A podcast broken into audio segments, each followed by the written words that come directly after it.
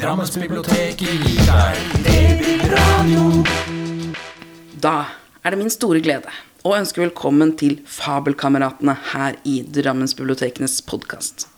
Og Fabelkameratene vi består fortsatt av Inger Bergan Mortensen fra Mjøndalen bibliotek. Hei. Hallo. Og Mari Nordre Lommelund fra Knutepunkt Strømsø. Hei til deg. Og hei til meg, Maria Balog Meldalen, også fra Mjøndalen bibliotek. Og her i Fabelkameratene snakker vi om all den her deilige fabelprosaen som er fantastisk fabelaktig og ikke helt realistisk. Det er sånn vi vil ha det. Og fabelprosa er jo en veldig morsom og spennende måte å lære om andre lands kulturer og tradisjoner og tenkemåter. Så derfor i dag skal vi snakke om fantasybøker med inspirasjon fra østasiatiske kulturer. Og Mari, du skal få lov til å åpne ballet. Hvilken bok er det du vil snakke med oss om i dag? I sommer så var jeg på Kanonkon-marked i Drammen. Skikkelig nerdemarked. Og røyk jo selvfølgelig på en del bøker. Og da kjøpte jeg rett og slett etter coveret. Så jeg ante ikke hva jeg kjøpte for noe. Og det er jo gøy. Men en av de bøkene jeg tok med meg da, det var 'She Who Became The Sun' av Shelly Parker Chan. Det er jo et veldig fint cover, det skal sies. Veldig fint cover. Veldig gult. Mm. Og jeg ante jo ikke hva jeg kjøpte. Og det viste seg å være et lykketreff av en annen verden. Eh, altså sånn, Det går ikke an å gjenfortelle handling her i noe som helst grad. Men det er sånn at vi møter to barn, fattige bondebarn. Vi er altså i 1345, altså.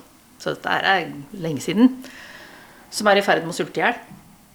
Gutten i familien har fått beskjed om at eh, han, altså han har blitt spådd en sånn storslagen skjebne. Det kommer til å bli noe fantastisk med han. Mens søstera har fått beskjed om at nei, hun kommer til å bli ingenting. Selvfølgelig. Hun er jo jente. Men så dør broren. Så da bestemmer jenta seg rett og slett at for å overleve, så må hun overta brorens skjebne. Drar av gårde til et kloster, insisterer på at hun er broren. Og det funker jo som bare rakkeren, det. Med Ikke enkelt, da. Eh, For å ta det veldig kort. eh, Jenta blir munk. Hun blir opprører. Hun blir hærleder. Hun blir keiser. Oi. Nemlig. Det er skjebnen Kan sin. vi det. like. Det er skjebnen sin, det.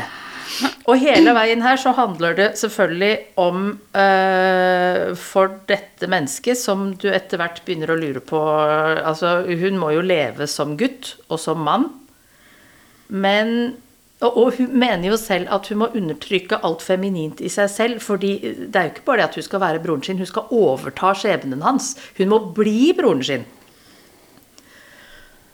Så det, det er så utrolig fascinerende. Og det er jo bare den bitte lille delen her. For rundt her nå så er det jo storpolitikk, det er krig, det er strategi, det er eh, bedrag på et sånt nivå at eh, Ja. Wow. Det er mye. Og, ja, men det som er så kult, det er at hvis jeg hadde visst hva dette boka var, at det var storpolitikk og krig og strategi og sånne ting, så hadde jeg jo aldri lest den. Nei. For jeg syns jo ikke det er noe gøy, trodde jeg. Så den er jo ganske krevende å lese, men altså, du blir så fascinert av disse her menneskene det handler om. Også dette kjønnsperspektivet som på en måte kan virke litt sånn moderne, og så tenker jeg er de trøkt det på en historie fra 1300-tallet, liksom. Men de har jo ikke det, for det, det, det fungerer så bra. Det er en så naturlig del av den her historien. Og så kan man jo diskutere, da er det fantasy? Er dette fabelprosa? Altså på en måte er det det, selvfølgelig. Fordi Fordi det er jo til dels historiske personer det handler om. Det er eh, også historiske hendelser. Det er krigene mellom kineserne og mongolerne det handler om, mongolene det handler om her. Og denne keiseren som hun blir, har jo eksistert. Men istedenfor å gjenfortelle den historien, så er det jo en helt annen person. Altså, Den keiseren var neppe født jente Nei. kan vi si. Så sånn sett så er det jo fabelprosa, men, men det mer sånn overnaturlige, det magiske og sånn, det er, det er der. Men det er veldig nedtona, altså det er spøkelser. Det er det som kalles 'the mandate of heaven', som altså er tegnet på at ja, du har rett til å bli noe stort i verden. Som er en sånn farget flamme som bare dukker opp. Den er jo der. Og så er det den herre skjebnetroen på at du blir det som skjebnen har bestemt, altså. Av og til så må du hjelpe litt, eh, skjebnen litt i gang, men eh, du ender der. Så det er det som er fantasy-elementene, og de er ikke voldsomt store. Og kanskje ser hovedpersonen disse spøkelsene fordi det aldri er nok mat, hva vet jeg. Men, men likevel, det er noe med stemningen og formen som gjør at ja, les det som fabelbrosa. Altså. Men jeg tenker litt, når du sier det der, tenker jeg på Mulan. Eh, Jeg tenker på Ja. sterk eh, jente. eh, krig mot, mot mongolierne. Ja. Mongolene, mener jeg. Det er helt umulig å si. Ja, så sier mongolerne. Ja, ja. Mongolerne. Samme det. Mongolene. Ja, ja, samme det. Men i hvert fall. Men ja da, det er klart det at den, det har blitt trukket paralleller til den. Der er det jo den der, de åndefiguren, øh, holdt jeg på å si. Ja. Åndeskikkelsen og den type Ja. ting. Men jeg tenker ikke på det som en fantasy. Nei, ikke sant, fordi at det er en så integrert del av kulturen, ikke sant? Det for dette det var jo ting, ja, for Ja. dette var jo ting folk trodde på. Ja. Så om du ser det fordi du forventer å se det, eller om du ser det fordi det er magi, mm -mm, det er opp til leseren å tolke, tenker jeg. Men det som også er dønn imponerende med denne boka, det er at dette er en debut. Dette Oi. er Shelley Parker Chan sin debutroman. Det er imponerende. Ja. For den har blitt veldig hypa. Eller altså sånn derre Vi har hørt masse om den. Masse oppmerksomhet. Og så leste jeg et lite intervju med forfatteren. Eh, Hun er eh, asiatisk-australsk og kjenner ganske godt til eh, kinesisk kultur. Eller kjenner veldig godt til kinesisk kultur, da. Og jeg ante jo ikke at i Kina så har man sånne digre TV-dramaserier. Store, historiske, enorme greier, omslag og ting. Så det er den følelsen hun vil gjenskape i bokform. Og det vil jeg jo si at hun antagelig lykkes med. Jeg har ikke sett disse Nei. TV-dramaene, men Vi snakka om det måten å bli kjent med kinesisk kultur på. Eller med at det da er jo det en del av moderne kultur òg, da. Ja, det er akkurat måte, det. Den type fortellinger. Ikke sant? Sånn at du får både eh, kinesisk historie, eh, med en vri, og alt, alt det rundt med kulturen der. Men ja, dette er også et eksempel på moderne kinesisk kultur. Det er så kul. Å, den er så kul. Nå har bok to kommet. Åh, jeg fikk lyst til å lese den. Eh, Veldig sånn fascinerende historie, da. Ja. Og så sånn veldig sånn sterk kvinne. Det kan jeg like. Som liksom Ja, hvis- kjemper seg gjennom ja. eh, Eller Og fullstendig eh, skruppelløs. Ja. Altså, du blir ikke keiser i Kina ved å være grei og hyggelig mot folk rundt deg. Altså. Nei. Sånn det er bare ikke. Ganske brutalt. Er det, Det er det blodig? så mye vold. Ja. Altså, disse folka var ikke hyggelige mot hverandre. F.eks. For eksempel når en eh, nær venn av familien, en nær alliert, har eh, sviktet.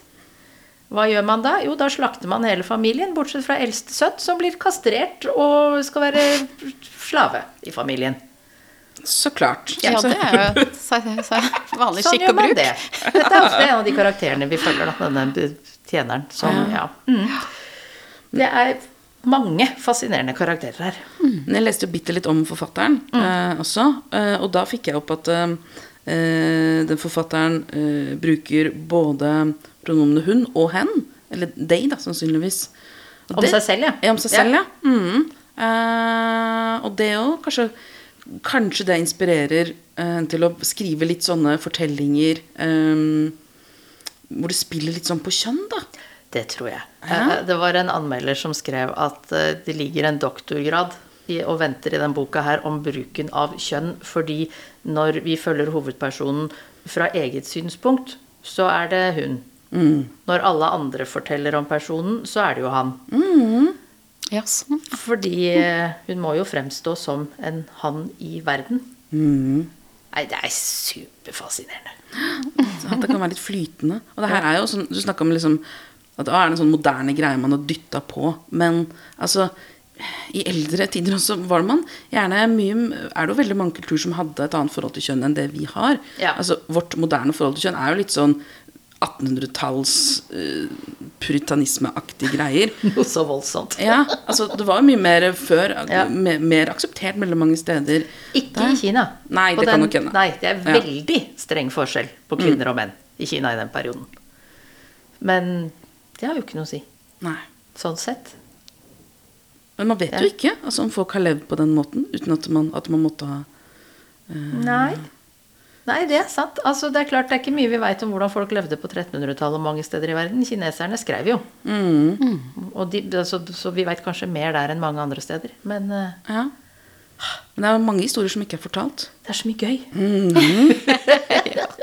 Og Kanskje når man har litt sånn Du snakker om er det en fantasybok eller ikke, men kanskje man da kan få lov til å spille litt mer. Nå tenker jeg bare ut høyt, da. Mm. Og leke litt mer med den type ting. Når man sier, ikke skal si at det, dette er en historisk roman som er veldig historisk korrekt. Ja. For da kan man komme og arrestere bare sånn Ja, men det er ikke greit. Det er ikke greit. Men hvis du sier dette er ikke historisk roman, dette er bare en fantasy. Og så bare? Å, men se her hva vi putter inn. Da kan du frigjøre deg sjøl noe så voldsomt. Ja, nei, det er eh, godt grep. Ja, Sniken så mye gøy. Så den boka her er, den er historisk, den er eh, fantasy, den er ikke fantasy, den er skeiv, den er Ja, Alt man kan ønske seg. jeg vil si det, ass. Ja, det vil jeg si. Jeg var Opp én. Man skal tømme litt fra fascinert. Ja. Ja, men det høres uh, veldig spennende bok å få lese. Ja. Nå, Inger, ja. hvilken bok er det du har med deg? Jeg er jo som vanlig fascinert av japansk kultur, så jeg måtte jo velge en eh, fantasy som er, eh, som er inspirert av det. Og da har jeg valgt en av Julie Kagawa, som heter eh, 'Shadow of the Fox'. Og hun er jo kjent Hun er jo en japansk Eller er av japansk opprinnelse, da. Forfatteren har vokst opp på Hawaii, faktisk. Eh, Og er kjent for, også for serier som The Iron Fae series, eh, Blood of Eden, Talon series, og i tillegg til den Shadow of the Fox-serien, da. Eh, Og det er sånn det man kan kalle young adult fantasy. Jeg, men jeg har bare lest den serien der. Jeg har ikke lest noen av de andre bøkene hennes, må jeg innrømme. Og nå rasla jeg med arket, og det beklager jeg, men jeg måtte bare ha litt Ja.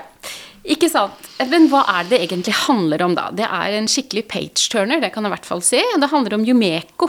Eller Yumiko, ville jeg sagt. Vi har en tante som heter Yumiko, som er japansk, så jeg ville kalt deg Yumiko, men det skrives Yumeko, altså, så jeg sier det. Hun vokser opp i et kloster eh, med mange hemmeligheter knyttet til både seg sjøl og klosteret. Og hun er en såkalt hamskifter, en halvt eh, kitsune og et halvt menneske.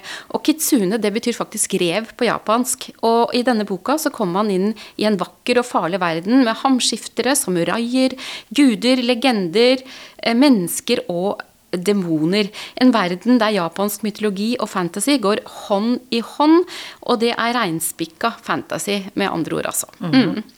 Eh, og det handler liksom om at For 1000 år siden så ble den store og mektige dragen Kami tilkalt uh, for å oppfylle et ønske.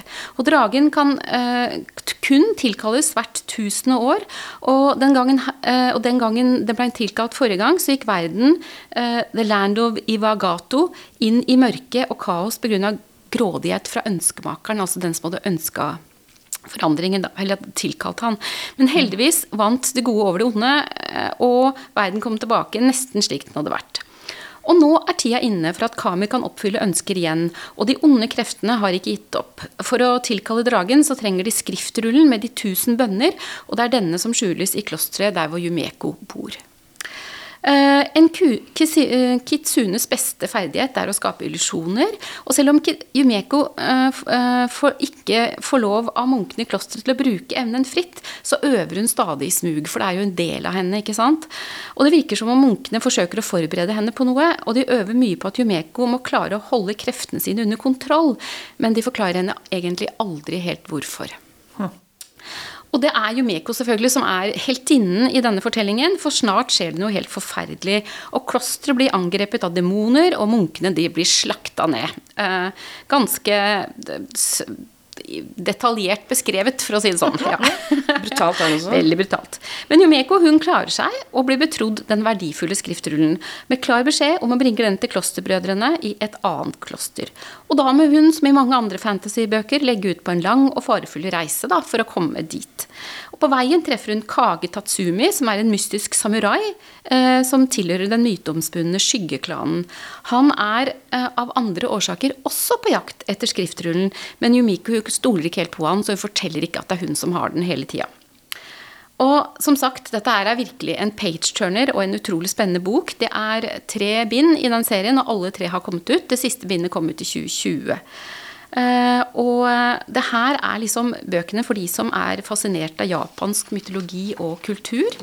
Og, eh, og det, er noen som har Som jeg leste en sånn artikkel på nettet som tok for seg den eh, bokserien, og de sa det at alle de liksom japanske mytologitingene som er putta inn i romanen, de stemmer med virkeligheten også. Ikke virkeligheten, da, men med, liksom De er eh, hva skal jeg si, de er realistiske sånn ut ifra det som er skrevet om det, da, på en måte. Ja. Uh, og eh, ja, eh, hva mer skal jeg si, da? Eh, og hvis dere lurer litt mer på hva kitsuner er, så er det som sagt rever eh, som kan hamskifte til menneske og har paranormale egenskaper som blir sterkere etter hvert som de blir eldre. Og de er kjent også for å gjøre triks mot andre, men også kjent som voktere, venner og elskere.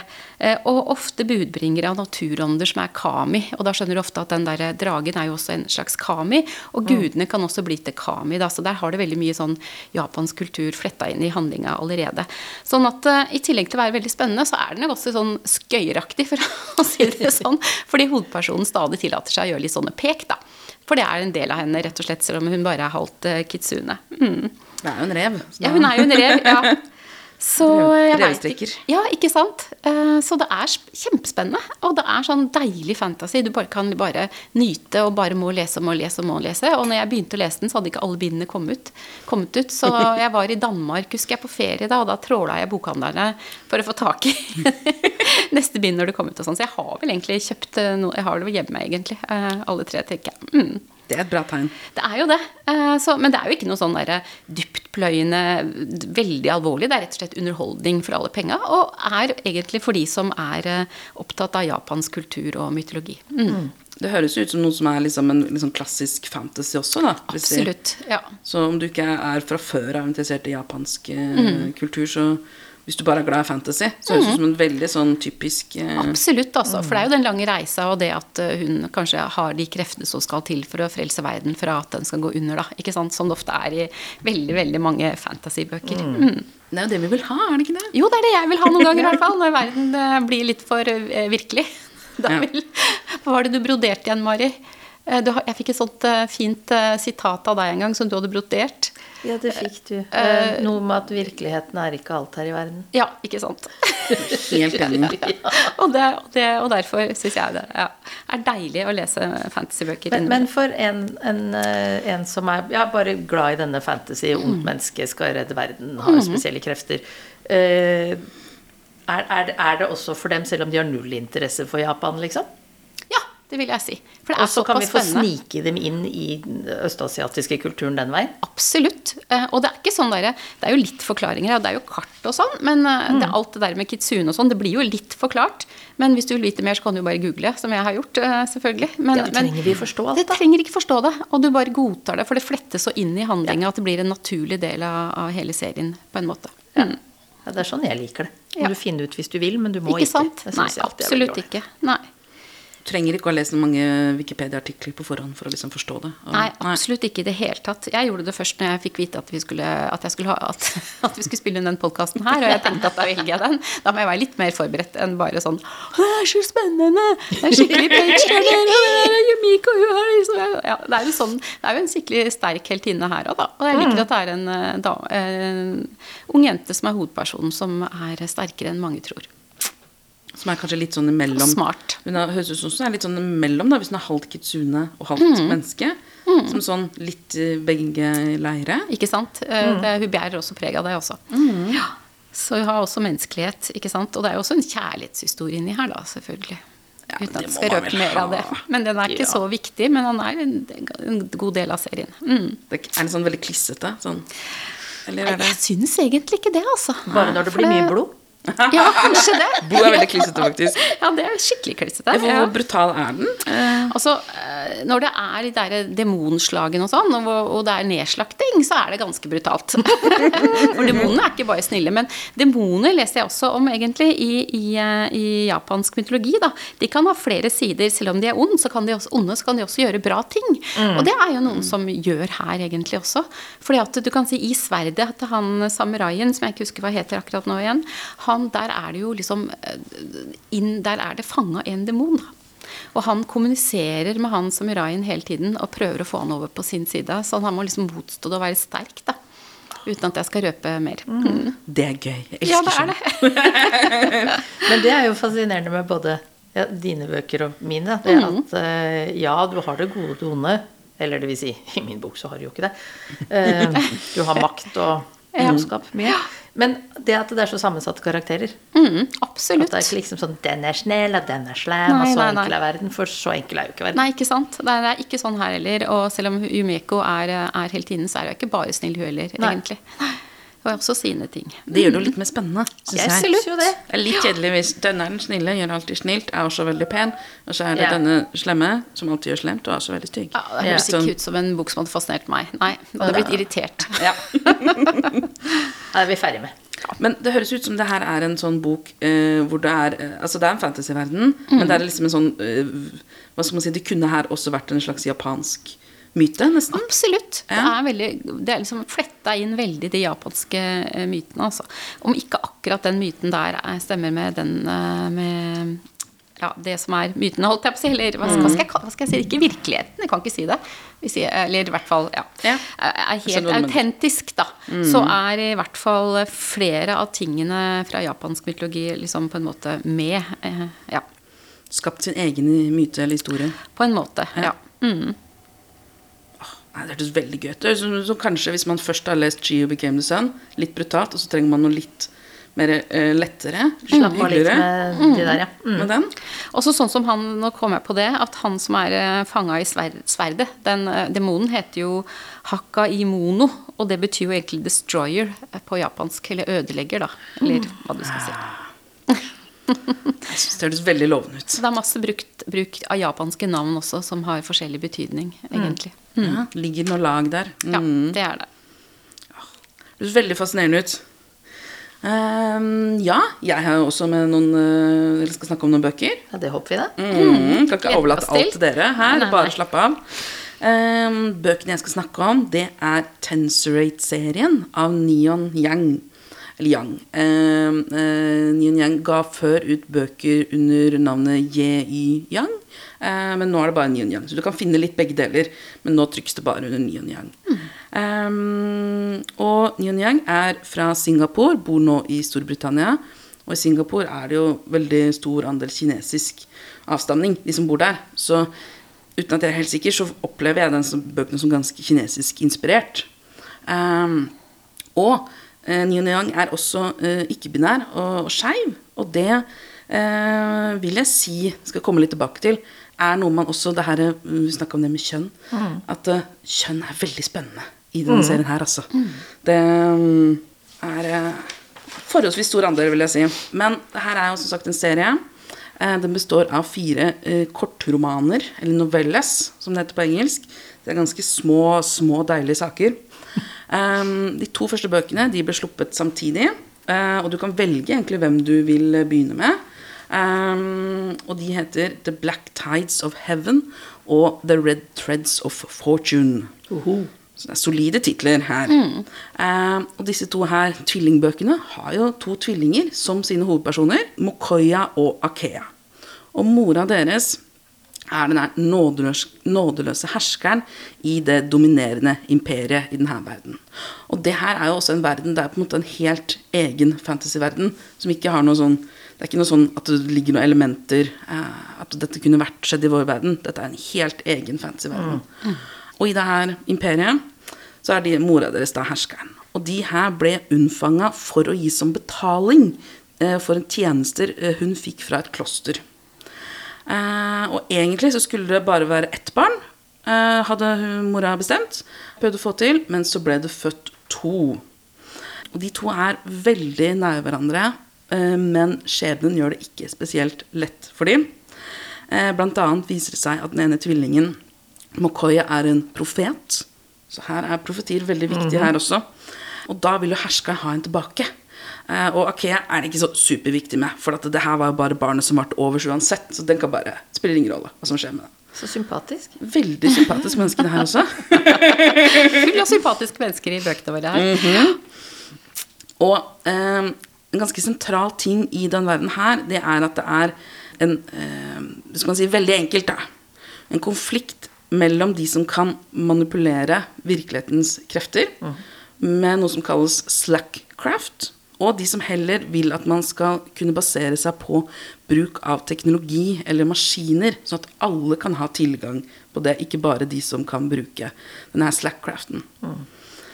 Eh, og det er da en gruppe mennesker som kalles The Tensorate, som da serien er oppkalt etter. Og de kan bruke Slackcraft. Og det er litt andre også. Det her er jo veldig enkelt. Men, og de bruker det her ofte for å støtte opp om herskeren.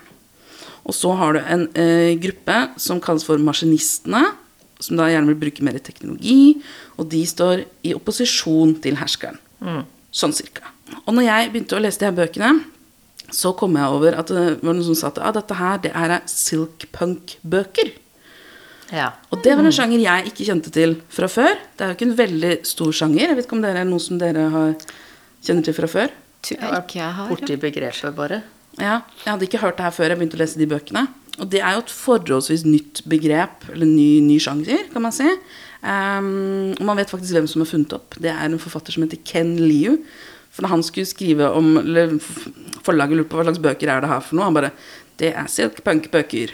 Nå må jeg finne ut hva silkpunk er for noe. Jeg har lagd en sjanger. Ups! Ja, hva er denne sjangeren? og litt sånn enkelt sett så er det sånn at i silkpunk-bøker så er det en blanding av teknologi og magi.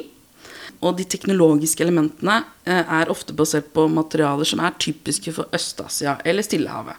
Mm. ganske mye organiske materialer som silke, bambus, fjær, papir osv. Det som også er viktig, er at det er en balanse mellom det poetiske, eller det vakre, og det tekniske, eller nyttige, i de bøkene. Og med vel, som med veldig mange andre sjangere som slutter med punk, så er det ofte mye opprør, da. Ja. Eh, stå opp mot makta og sånn. Og det er det jo absolutt her. Mm. så jeg forstår veldig godt hvorfor den her ble satt i den, i den sjangeren, altså. Eh, og jeg ble veldig interessert i å kunne lese mer i den sjangeren etter å ha lest det her. Jeg har ikke gjort det ennå, men syns det er veldig fascinerende. Og oppe på det vi snakka om med kjønn. Altså at Ja. Forfatteren her er jo ikke-binær. Og det syns jeg er utrolig spennende med hvordan de forholder seg til kjønn i den verden her. Fordi her er det sånn at alle starter som hen, eller ikke-binære. Og når man blir eldre, så bestemmer man seg for hvilket kjønn man vil være. Så praktisk. Ja, Og så gjennomgår du da behandlinger for å bekrefte det kjønnet. Og noen velger å ikke velge i det hele tatt. Eller de velger finner ut at jeg, jeg er en mann, men jeg har ikke lyst til å gjennomgå behandlingen allikevel. Altså Det er veldig mange måter folk forholder seg til det her på. Og det har ganske store konsekvenser eh, også, de valgene, valgene man tar for hvordan livet, livet går videre. Det, Ja, for man har kjønnsroller likevel. ja, det er kjønnsroller eh, allikevel, men det er på en måte Ja, det, men det mm, Men det er mer enn en, to kjønnsroller, for å si det sånn. Da. Eh, og man kan gli gjennom, og det hvordan eh, du kjønnsorganene ser ut, betyr ikke nødvendigvis at det er sånn du må At da er du i den rollen, da må du oppfatte deg sånn. Men, uh, men ja, det er absolutt litt sånn, sånn uh, roller man kan puttes, puttes inn i. Men man uh, det er Siden du sier at det valget har store konsekvenser. Ja, det har det. Blant annet for disse tvillingene, da. Ja. Uten at jeg skal røpe for mye om Nei, det det. kan du ikke. Nei. så det, og det som jeg syns er så gøy, er at de her er jo sånne kortromaner. Så det er, veldig, det er fire stykken. Så de er veldig små. Og jeg har jo, som du hører, jeg har snakket masse. Og jeg snakker og snakker og snakker. Eh, så det er jo veldig, veldig store verden, eller veldig stor verden og veldig store fortellinger på veldig kort Kort, eh, kort liten bok. Korte, små bøker. Det er godt gjort, da. Ja, det liker jeg, da. Ja, Ja. ikke sant. Ja, jeg skjønner den. Ja. Ja, det er deilig noen ganger, det, altså. Men, men eh, denne verden som du snakker om, altså noen, noen har magien, Mm. andre har ikke. Så det er en sånn typisk sånn elite, alle andre folk-type Ja. verden. Ja, altså det er jo det. Altså noen kan ha evnen til å kunne bruke eh, Til å manipulere verden. Altså sier at nå skal jeg eh, Noen bruker det til å er god på hele kroppen. Altså alle kan som har den, evnen kan bruke litt, for det er liksom at de har forskjellige naturkreftene, da. Eh, mens noen er bedre på noe annet enn noe andre, andre da. Men det er ikke sånn at du på en måte må bli eh, at alle, det, er forskjellige som kan bli, bli født med evnen til å kunne gjøre det her. Mm. det er ikke alle som da bruker det til å bli trent opp hos de her Tensorate-organisasjonene og for å tjene herskeren og sånne ting. Det er jo veldig mange som ikke, ikke vil gjøre det også. Men det er jo det at det er også Man har i dag det samfunnet basert mye på eh, eh, at forskjellige ulike typer mm, prosesser, altså maskiner, er avhengig av at man kan bruke den magien for å fungere. Ja, okay. Så det gjør at man da liksom holder nede de som ikke kan det. Ja, for du er avhengig av at noen som kan, kan mm. har de egenskapene, kan gjøre det her for deg. Og det er det de her opprørerne vil gå mot. da At Ja. da man skal kunne bruke det som alle kan bruke. Alle skal ha tilgang til det Ja, samme. med like muligheter for alle, liksom. Ja, um, sånn cirka. Så, så det er det som gjør, gjør det opprørelementet i det. da Men hva er fellestrekkene mellom disse bøkene våre? Altså, vi snakker om nå, I dag skal vi snakke om østasiatisk fantasy, dere. Er det noe, er det noe som altså- binder det sammen? Altså, Litt sånn skjebne har Ja. vi jo. Både hos meg og i min, de bøkene mine og i dine så er jo profetier og skjebne kjempeviktig. Og i denne den her også, for det er den Ja. dragen som, skal, som liksom Mm, da kan vekkes til live. Det er jo kanskje noe som Altså det her er jo fra forskjellige som, altså Det er jo japansk, og din er jo kinesisk, og min er jo, virker jo forholdsvis kinesisk også. uh, inspirert. Uh, så sånn sett er det jo fra litt sånn forskjellige land, da. Men, uh, men det er jo litt kult for oss i vår individfokuserte skap din egen eh, lykkeverden som, som vi er i. Så en helt annen måte å tenke på. Og det er så spennende. Det er derfor jeg liker eh, sånne type bøker. Derfor jeg liker japansk litteratur, annet. For det er en helt annen måte å tenke på, og et helt annet samfunn. Og det slutter aldri å fascinere meg. Altså, uansett hvor vestlig prega de blir etter hvert, så har de Ja, de er noe for seg sjøl. Men det var en eller annen som sa det at ja, nei, vi får jo ikke dratt ut og besøkt folk på andre planeter, så vi får nøye oss med å dra til Japan. Det er Ja. nærmest vi kommer. Jeg, jeg, jeg tror for oss, altså. for oss så er Japan veldig, veldig annerledes. Kina, ja, men Japan er noe for seg sjøl, altså. Jeg skulle gjerne vært det. Kanskje enda mer for at japansk kultur er noe man har Man får jo mye. Altså sånn manga og anime og j-pop og alle de tingene der, så man tror man kanskje at man kjenner det veldig godt. Men eh, kanskje det er jo ganske ukjent tankemåte allikevel. Ja, jeg tror det.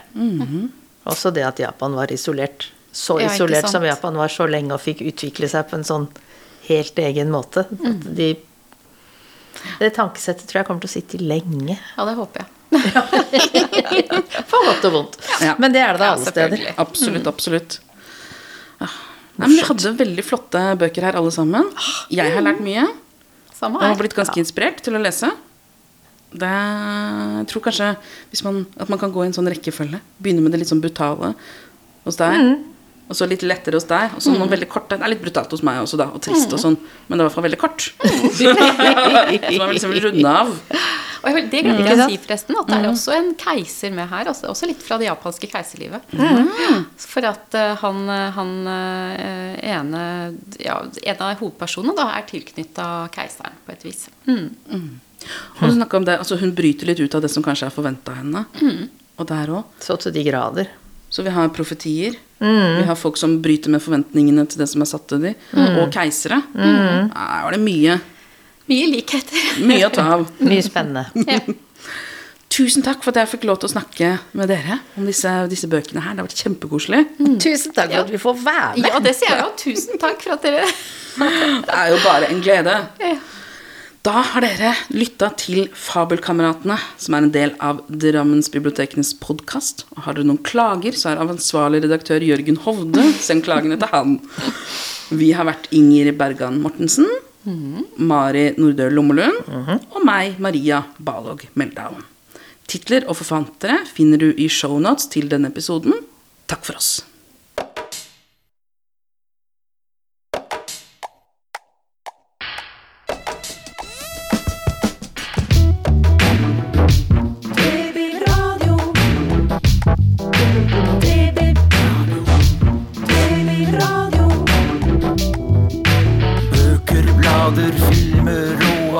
answer